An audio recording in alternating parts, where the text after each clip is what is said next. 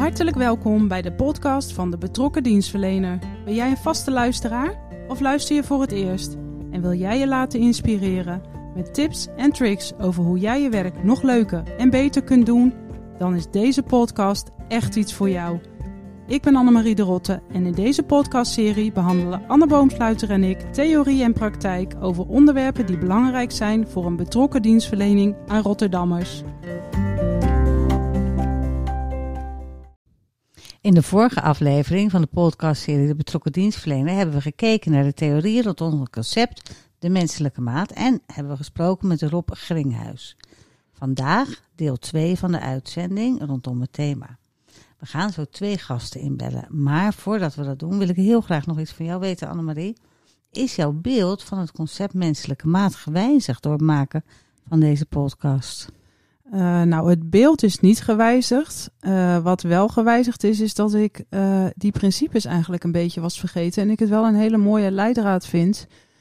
om vanuit de principes van hoe we handelen vanuit de menselijke maat het gesprek met collega's aan te gaan. Dus, dus dat heb ik er zeker uitgehaald. En Anne, welk aspect van de menselijke maat van die principes springt er voor jou eigenlijk uit? Nou, wat ik heel mooi vond om te horen is dat Rob vertelde dat hij de principes samengesteld heeft met collega's en met Rotterdammers. En dat een aantal van die principes, die komen ook terug in onze leidraad en ons kompas voor samenwerken met de stad. En dat is bijvoorbeeld de, openheid en transparantie, maar ook uitgaan van de leefwereld van de Rotterdammer. Nou, gaat dat echt over de individuele Rotterdammer. En wij vaak kijken uh, naar een hele straat of een hele wijk of een buurt. Maar dat het eigenlijk, dat de menselijke maat ook gewoon zo is. Dat dat dus is wat mensen vaak uh, vragen. Hè? Want wij hebben dat toen tien jaar geleden met Rotterdammers vastgesteld. En eigenlijk, ja, dat geldt gewoon. Het is eigenlijk een, uh, een hele heldere menselijke maat. Ja, en voor de luisteraars die het niet weten, als Anne het heeft over wij, uh, dan werkt ze op de afdeling waar participatie, uh, dus samenwerken, meedoen, meedenken met bewoners en met de gemeente. dus dan heb je het daarover. Over dat kompas, wat ook het kompas heette toen de tijd inderdaad. En nog steeds, denk ik. Oh, dankjewel voor de toelichting. Ja, dat is voor mij dan zo automatisch. Dat is echt heel erg. Een goede reflectie. Ja, dat klopt. Participatie en verkiezingen heten we tegenwoordig. Oké, okay, dat zit ook nog vers in ons geheugen. Um, vandaag, zei je, hebben we twee gasten. Ja, dat klopt. We hebben Saskia Landsbergen en Lisette Bouter. En zij kennen de werking van de, en de dilemma's van de menselijke maat, vooral in de praktijk, heel erg goed. Oké, okay, dan gaan we ze bellen.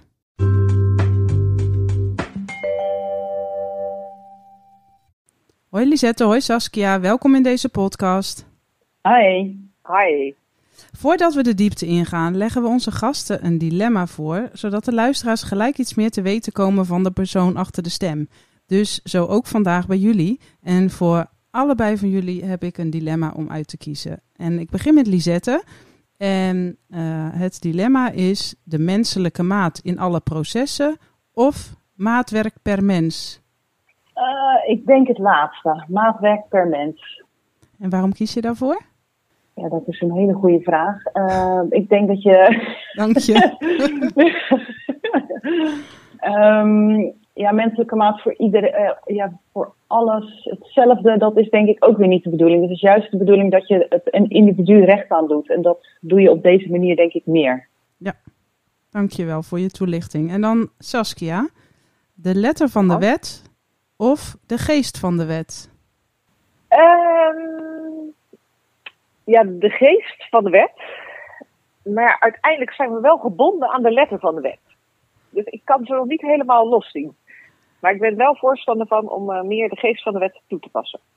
Heel goed. Nou, we gaan zo uh, aan jou vragen wat voor werk jij doet. En dan snappen de luisteraars ook waarom jij daar een kleine twijfel in de keuze had.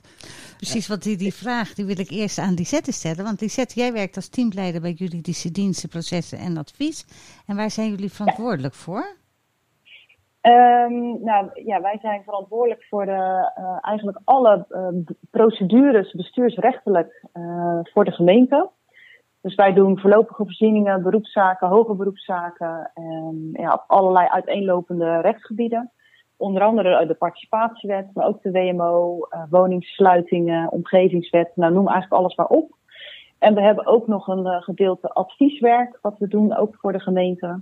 En we houden ons ook nog bezig met uh, ambtenaren, of ja, eigenlijk arbeidszaken tegenwoordig.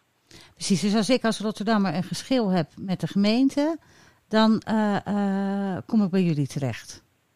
Ja, uiteindelijk wel. Eerst ga je dan, kom je door de bezwaarfase waar Sofia zo wat over zal toelichten. En als je niet eens bent met de beslissing op bezwaar die daaruit komt, dan gaan we elkaar ontmoeten op de rechtbank. Oké, dankjewel. Nou, zover komt het vast niet hoor, bij mij als Rotterdammer. Maar Saskia, jij werkt als operational coach bij juridische bijstand, las ik, op Rio. En wat, ik hoop dat ik de titel helemaal goed heb. En wat houdt jouw werk in in de praktijk? Ja, operationeel coach inderdaad bij uh, juridische diensten en dan team bijstand. Uh, team bijstand, dat is het, uh, de afdeling die de bezwaarschriften behandelt van de bijstandszaken. Dus echt de, zaken die door werk en inkomen worden genomen. Anders dan Lisette, die dus een heel brede scala aan onderwerpen heeft, behandelt ons team alleen de bezwaarzaken van de bijstandszaken. Ja, en als operationeel coach ben je eigenlijk bezig met de dagelijkse aansturing van het werk. Dus zowel op inhoudelijk vlak, maar ook bij het coachen van de medewerkers. Ook heel interessant. Ik denk, kan me ook voorstellen dat daar ook een hoop in te doen is, hè, in de bijstandswet. Ja, die, de participatiewet is natuurlijk continu in ontwikkeling. En uh, ja, dat maakt het werk ook zo leuk. Daarom werk ik er ook al zo lang. Um, maar nee, het is dus continu onder ontwikkeling. En elke keer is er weer uh, wat anders wat speelt. En het is altijd actueel. Dus het is een heel interessant onderwerp. Mooi. En uh, Saskia, we hebben onze luisteraars in de vorige aflevering, waar we uh, Rob Ginghuis in spraken, de programmamanager menselijke maat van het concern, hebben we de luisteraars meegenomen in de verschillende uitgangspunten van de menselijke maat en de principes die we hanteren binnen de gemeente Rotterdam. Heb jij een voorbeeld uit de praktijk hoe jullie in de bezwaarprocedure invulling geven aan de menselijke maat en die principes? Ja, wat wij doen inderdaad, die, uh, die principes uh, die zijn bekend. En uiteraard gaan we niet uh, per zaak kijken van nou, waar, onder welke principe valt het. toevallig was er onlangs een zaak. dat ging over een vrouw die moest op gesprek komen bij het team heronderzoeken om gegevens in te leveren. Nou, die gegevens waren nodig om te beoordelen of ze een uitkering moest krijgen. En uh, die mevrouw leeft die spullen maar niet. Nou, er wordt geteld en uh, nog een keer een briefje gestuurd. Nou, ze levert nog steeds die gegevens niet. Dus dan uh, op een gegeven moment wordt de uitkering opgeschort. Van nou, tijdelijk geen uitkering meer.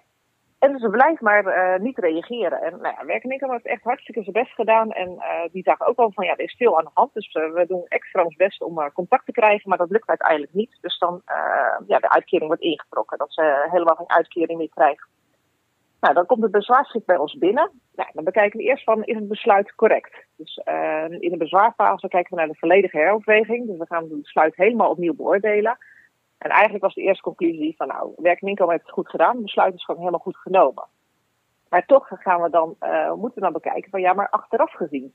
Was het achteraf gezien toch een juist besluit? Ja, en in deze, uh, waar dan heel veel zaken speelden, slachtoffer van de verslagenaffaire, wordt begeleid door diverse instellingen.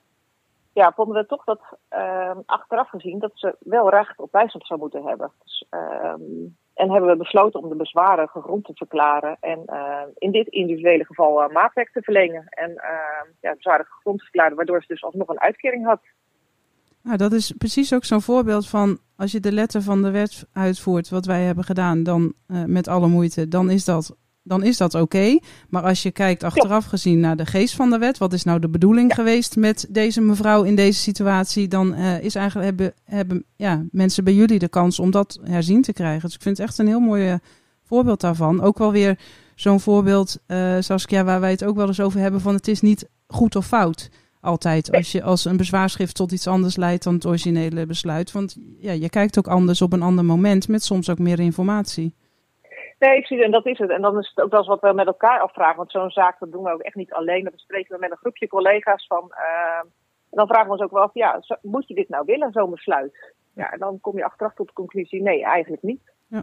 Nou, mooi. En Lisette, jij werkt met jouw club aan beroepszaken die uh, vaak gaan over besluiten van een paar jaar geleden. Bijvoorbeeld die besluiten op bezwaar van Saskia. Waar lopen jullie tegenaan vanuit de menselijke maat bij die beroepszaken? Ja, nee, dat, uh, dat klopt. En zeker de zaken die we nu in behandeling hebben, die bij de Centrale Raad uh, liggen, die zijn echt wel van wat uh, langer geleden. Die zien echt op 2018, 2019. Um, nou, wij merken van de menselijke maat, ik weet niet of het die terminologie ook heeft bij de Centrale Raad, maar we, merken meer dan anders dan dat, dat zij op zoek zijn naar een schikking eigenlijk. We worden vooraf uh, benaderd met uh, de vraag of we niet met elkaar willen kijken van wat, wat is er nou nog in geding en hoe kunnen we dat eventueel oplossen. Um, op het moment dat, dat wij die, brieven krijgen, zijn wij natuurlijk ook al wel getriggerd. En het uh, ja, doet een beroep op ons dat wij dus niet alleen kijken naar de rechtmatigheid, maar ook ja, onze zaak breder moeten voorbereiden.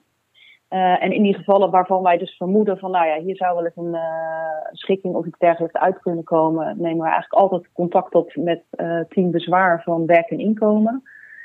om af te stemmen van, ja, wat is onze speelruimte en tot hoe ver willen we gaan. En ja, dus dat proberen we altijd wel zorgvuldig te doen.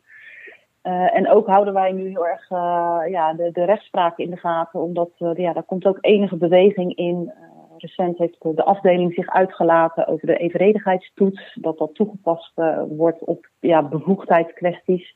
Dat is zeg maar waar de mogelijkheid in de wet is uh, als het een kan-bepaling uh, is. Ja, en dat, ja, dat volgen we nauwgezet, omdat dat wellicht ook invloed gaat hebben op ja, zaken die spelen omtrent de participatiewet. Want krijgen we dan zeg maar meer, meer ruimte om in te handelen in de uitvoering door zo'n kan-bepaling?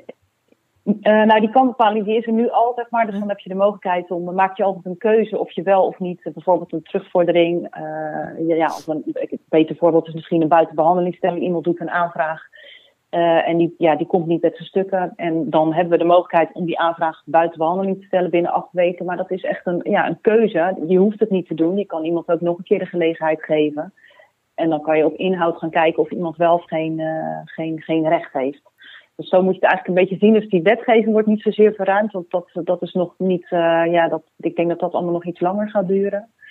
Uh, maar er wordt gewoon iets breder gekeken. Uh, ja, de belangen worden wat meer gebogen. de ingrijpendheid van het besluit wordt bekeken voor de belanghebbenden. En ja, de kans is wel aanwezig dat, het zich, dat dat zich ook in de participatiewetzaken in de jurisprudentie gaat ontwikkelen. Ja.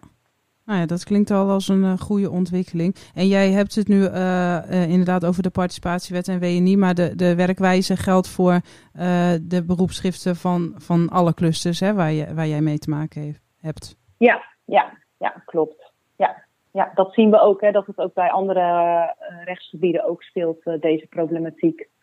Ja, en Lisette, heb jij misschien een voorbeeldcasus van waar Saskia en haar collega's in het verleden een bezwaarschrift op de toen gangbare manier hebben afgedaan en waarvan jij of jullie nu nou, ja, toch weer net wat anders over denken?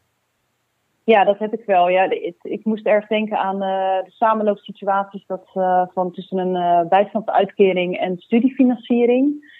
Um, in het, ja, het is conform jurisprudentie allemaal keurig uh, uh, gedaan, zeg maar, deze besluitvorm. Maar iemand die heeft een lopende bijstandsuitkering en die meldt, joh, ik, krijg, uh, ik ga een studie doen en ik ga, ga studiefinanciering aanvragen.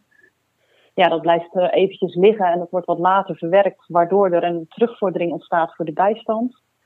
Uh, en ja, ongelukkigerwijs blijkt achteraf dat er iets niet goed was gegaan met de inschrijving, waardoor die meneer ook zijn studiefinanciering nog moest terugbetalen. Dus uiteindelijk, at the end, had hij eigenlijk dus ja, in die periode niks en hij moet en de bijstand en de studiefinanciering terugbetalen.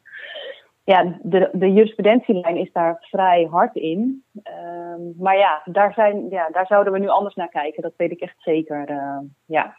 Ja, en mooi ook hè, dat we dat dan nu voor elkaar kunnen betekenen als samenleving. Ja. En ja. Uh, uh, Saskia, in de vorige podcast heeft uh, Rob Gringhuis de vijf principes van de mes menselijke maat besproken. En als jij nou één principe eruit zou mogen lichten en centraal zou kunnen stellen, welke zou dat dan zijn? Ja, dat is dan denk ik toch het verantwoord vertrouwen. Ik wil die ook wel oplichten, omdat daar denk ik ook wel veel om te doen is. Ehm, vooral omdat het gaat om de combinatie verantwoord vertrouwen.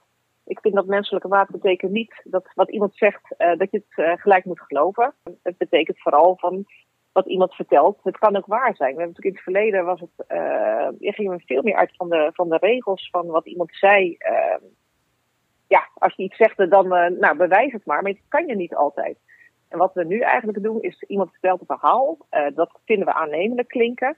Maar wat we doen, we kijken eigenlijk naar het grotere geheel. Dus we gaan heel het dossier doorspitten. Wat uh, komt dat verhaal? Komt het nou ook terug in het dossier? Blijkt het nou uit alle systemen? En uh, we kunnen ook contact opnemen met bijvoorbeeld het wijkteam of met andere instanties om nou het verhaal te onderschrijven. En pas als dat het plaatje compleet is, ja, dan uh, ja, vertrouw je eigenlijk de burger. En is sprake van verantwoord vertrouwen. Ja, mooi. En ook wat je zegt, het kan ook waar zijn. He, niet per definitie, geen blindelingsvertrouwen, maar verantwoord vertrouwen. Ja, mooi. Dankjewel. Klopt.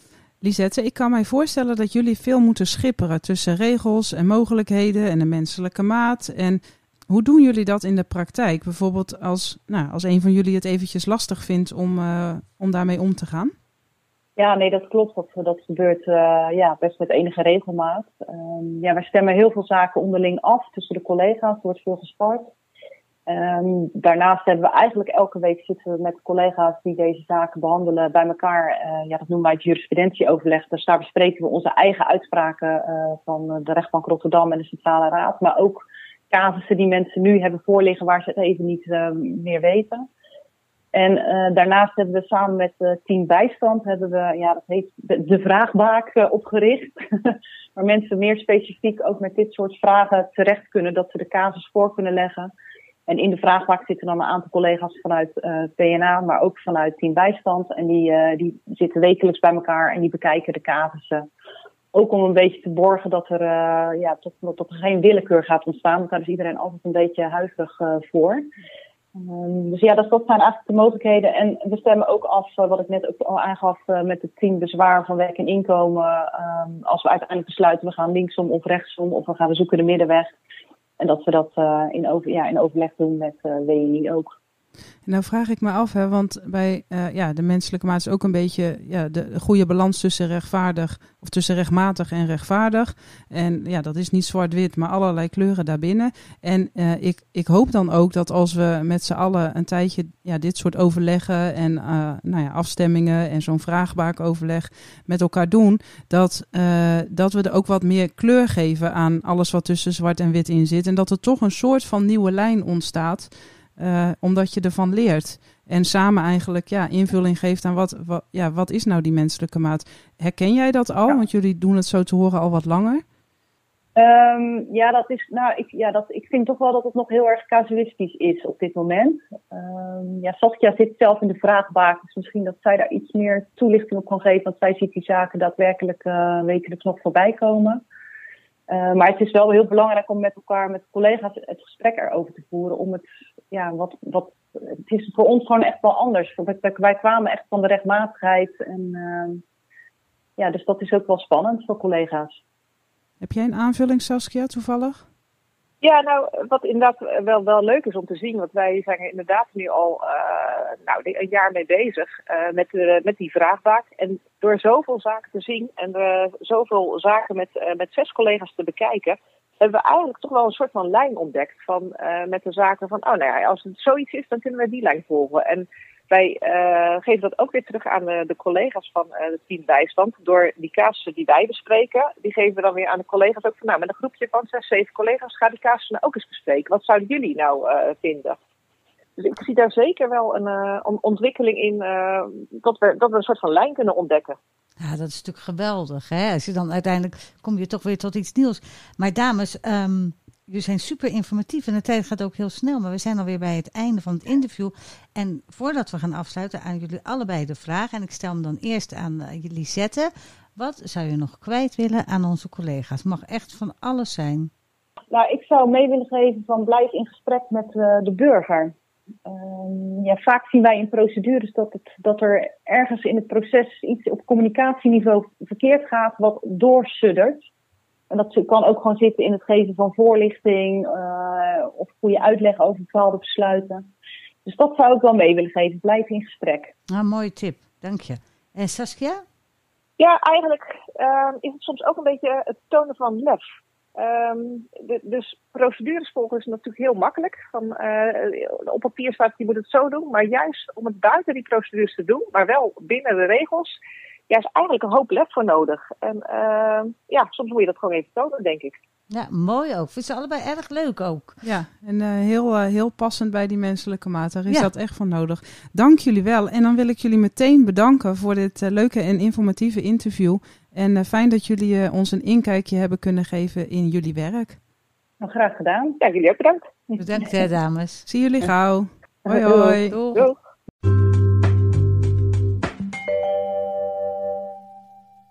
Hiermee eindigen we de serie van twee afleveringen over de menselijke maat. Ik vond het erg leuk om te doen en een onwijs goed onderwerp. En jij, Anne? Ja, zeker weten. En altijd eigenlijk actueel. Want bijvoorbeeld voor de dienstverlening die wij nu als gemeente aan de Oekraïnse vluchtelingen bieden. En fijn dat we in Rotterdam hier zo goed mee bezig zijn. Ja, over menselijke maat gesproken. Luisteraars, bedankt voor het luisteren en graag tot de volgende keer bij de podcast van De Betrokken Dienstverlener. Tot dan! Ik hoop dat jullie door deze podcast meer te weten zijn gekomen over de wijkraden en hoe jij vanuit je werk daar wellicht mee te maken kan krijgen en vooral je voordeel mee doen. En dan voor nu bedankt voor het luisteren en tot de volgende keer bij de podcast van De Betrokken Dienstverlener. Tot dan! Ik hoop dat jullie door deze podcast meer te weten zijn gekomen over de wijkraden en hoe jij vanuit je werk daar wellicht mee te maken kan krijgen en vooral je voordeel mee doen. En dan voor nu bedankt voor het luisteren en tot de volgende keer bij de podcast van De Betrokken Dienstverlener. Tot dan! Ik hoop dat jullie door deze podcast meer te weten zijn gekomen over de wijkraden en hoe jij vanuit je werk daar wellicht mee te maken kan krijgen en vooral je voordeel mee doen. En dan voor nu bedankt voor het luisteren en tot de volgende keer bij de podcast van De Betrokken Dienstverlener. Tot dan! Ik hoop dat jullie door deze podcast meer te weten zijn gekomen over de wijkraden en hoe jij vanuit je werk daar wellicht mee te maken kan krijgen en vooral je voordeel mee doen. En dan voor nu bedankt voor het luisteren en tot de volgende keer bij de podcast van De Betrokken Dienstverlener. Tot dan! Ik hoop dat jullie door deze podcast meer te weten zijn gekomen over de wijkraden en hoe jij vanuit je werk daar wellicht mee te maken kan krijgen en vooral je voordeel mee doen. En dan voor nu bedankt voor het luisteren en tot de volgende keer bij de podcast van De Betrokken Dienstverlener. Tot dan! Ik hoop dat jullie door deze podcast meer te weten zijn gekomen over de wijkraden en hoe jij vanuit je werk daar wellicht mee te maken kan krijgen en vooral je voordeel mee doen. En dan voor nu bedankt voor het luisteren en tot de volgende keer bij de podcast van De Betrokken Dienstverlener. Tot dan!